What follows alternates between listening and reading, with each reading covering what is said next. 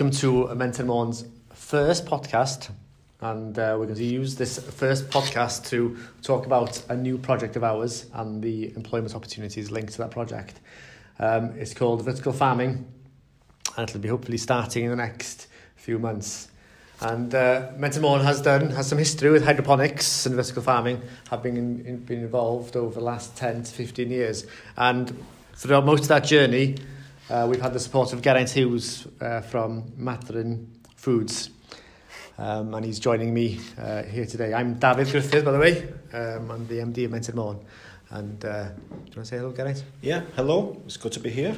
I'm talking about hydroponics Yeah. and uh, vertical farming.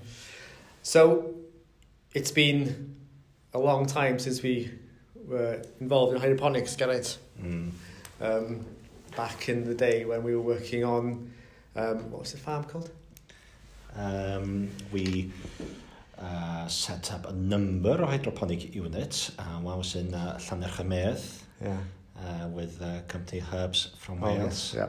And, um, and who are still pioneering uh, yeah. with, with hydroponics and uh, yeah, and uh, and something you know, we've learned a lot with mm. Philip and Rowena Mansfield, uh, the, uh, Mansfield um, mm. there. And back uh, in that time, I think going back to 2007, 2008 even, we uh, supported a half a dozen growers to set up their own polytunnels Mm. uh, quite an extensive NFT system, which stands for Nutrients Film Technique, Mm. which for the layman, someone like me, means there's water circulating around channels. And the growing went very well. Mm. What seemed to be a big stumbling block Mm. at that time was trying to find a way of getting the produce to the market Mm. and getting the money flowing so that the growers were actually making Mm. uh, a profit. And some did some really good work and they continued for two, three, or even Mm. four years selling locally. However, it is very challenging and we've Mm. learned a lot from that project. Mm. Yeah. Yeah, I clearly remember that uh, the um, one of the challenges was, was adding sufficient value to the, the salad crop to make it worthwhile you delivering it across Anglesey and North Gwynedd at the time. Yes, yeah. Um, but having said that, um, uh, Broga, the company was set up, uh, ran for three, four years. Yeah, Broga So- was a brand developed by one of the one of Mm. the growers after finding a Broga in one of the polytunnels Yeah. uh, uh, taught uh, one day. And um, yeah, that crashed, uh, that developed to quite a, a, a popular brand Mm. locally. Uh, I, I think, like most food businesses, it was just dealing with the cost, espe- especially delivery cost was, was a Mm. challenge. Um, and over the last sort of year or two, my phone's been ring, ringing quite on a regular basis with people interested in hydroponics once again. Mm. Because there's a few fundamentals have changed. The technology of growing the Mm. crops has improved, has evolved. We've also now got a, a number of high-end restaurants on Mm. Anglesey and Gwynedd who are craving to develop direct relationships with growers. So that's opened up a new market. And also, we've, uh, we've come across um, marketing opportunities further afield by adding value to crops, such as manipulating the nutrient content of a crop by Mm. using different light wavelengths Mm. um, to uh, satisfy demand for this increase in personal nutritional Mm. re- requirements. So if you're uh, if you're aware that you need to consume a certain trace element a bit more, Mm. then you can buy this trace elements from crops that's been grown to have a higher content of this Mm. nutrient. Probably we are getting a bit too technical Mm. here, and with this project, we are not expecting the team to Mm. have that expertise because we'll be able to buy that expertise mm. in uh, for the growers who will be involved in this mm. uh, in this piece of work. And that demonstrates because from my recollection, you know, 10, 12 years ago, it was still it still had very very much an agricultural feel to it hydroponics. Yeah. It was in the field with a polytunnel yes. and it and they were using essentially um, drain pipes to grow various crops. Yeah. Um, now from from what I've seen recently, it becomes it's become far more precise, Mm. far more scientific, Mm. which allow and allowing you to do the things you just mentioned. Mm. Um, So things, yeah. And the number of the elements of controlling the system can be done of one of these things that we're talking into at the moment, which is a smartphone. Yeah. So by incorporating um, Internet of Things technology and different Mm. platforms, you can control the nutrients, the water flow, the Mm. temperature, the humidity of the touch of the button. So it has become very technical. Yeah. And that opens up new doors. Another fundamental change um, that we're going to uh, put in practice with this project is uh, the idea of buying micro units. Mm. So, you know, the team who'll be recruited for this project, one of the first tasks they'll have Mm. is to recruit five growers from Mm. Anglesey in Gwynedd.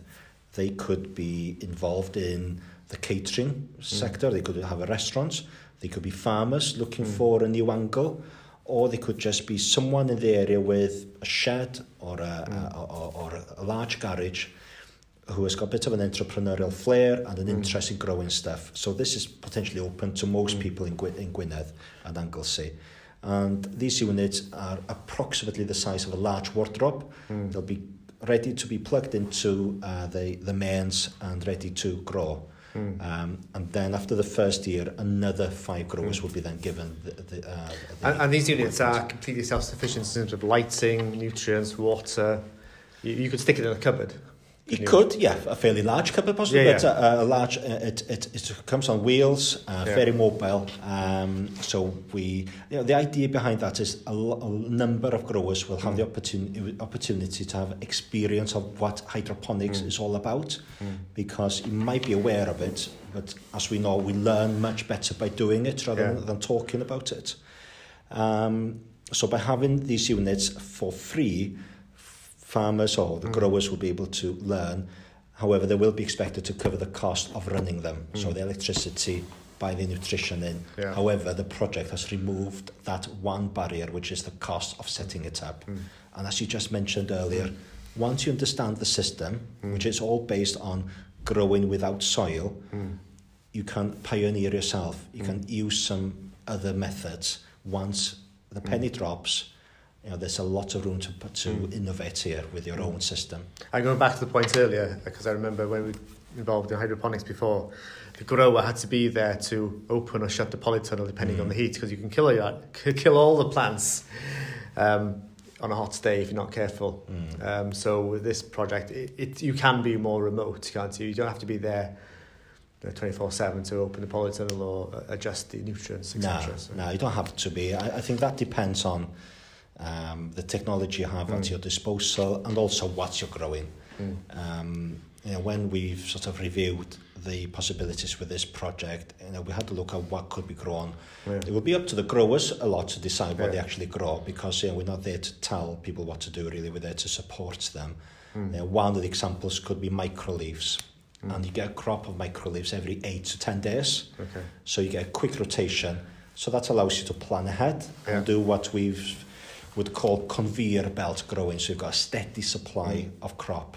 And also the flexibility of deciding, right, next month I want some time off, so I'll shut the system down yeah. and then restart okay. it. So that's an example of how you can build the system around your own lifestyle and your own sort of yeah. circumstances.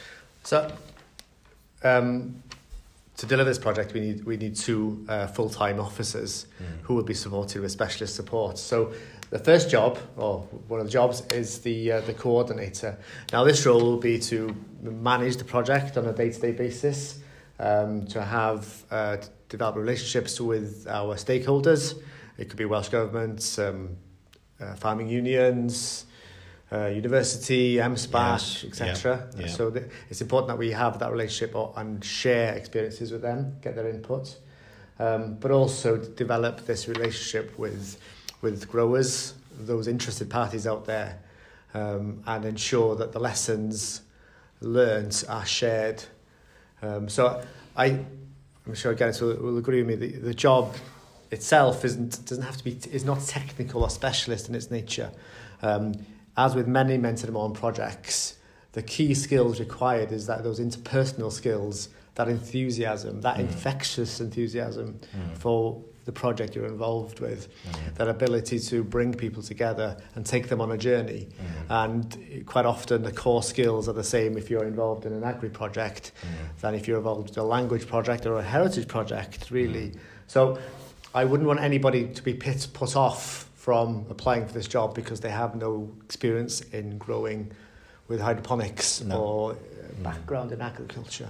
No, I'd, I'd agree with, with that, David. I think the emphasis needs to be on those soft skills, the Mm. facilitation of people, um, you know, f- uh, building bridges between Mm. maybe people who wouldn't naturally mix together, um, building bridges with the rest of the supply chain. Mm. It's those kind of skills that are absolutely key for you mm. know, hmm. having the outcomes we're looking for from this project, the mm. technical side, which maybe we've touched on a bit here, yeah. uh, just to give people an insight to what could mm. be hmm. possible. The technical backup can be pulled in mm. as hmm. and when required or this provision within the project to take people to visit other businesses in, in other parts of the UK. Mm. So yeah, yeah, you're right. Mm. It's the soft skills and enthusiasm yeah. uh, to see this happening in mm. the hmm. local area. You know, there's no technical reason why this can't happen. We just need people to work together yeah. and, uh, and and collaborate. And the the, the second job is the um, the admin support, which is probably underplaying the, the role of the job in terms of they'll be supporting the coordinator. And there's a lot of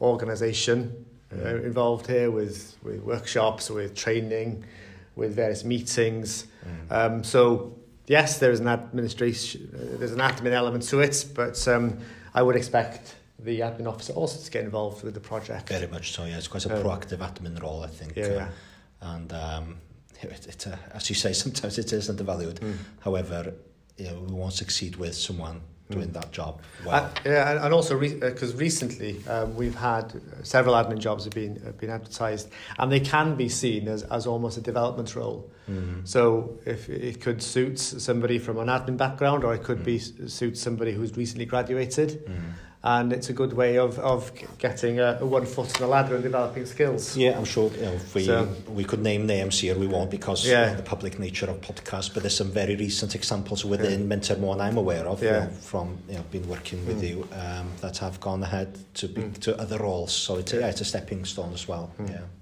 Okay, so um, yeah, so that gives you an overview of the, the project. And uh, if you're interested, the application form is available on our website, uh, along with for further information. But um, hope that's useful. Thank you, Geraint. Yeah, diolch, David. Thank diolch you. Iawn. So the first of many podcasts, hopefully. Hopefully. Yeah. Diolch. Ta. So,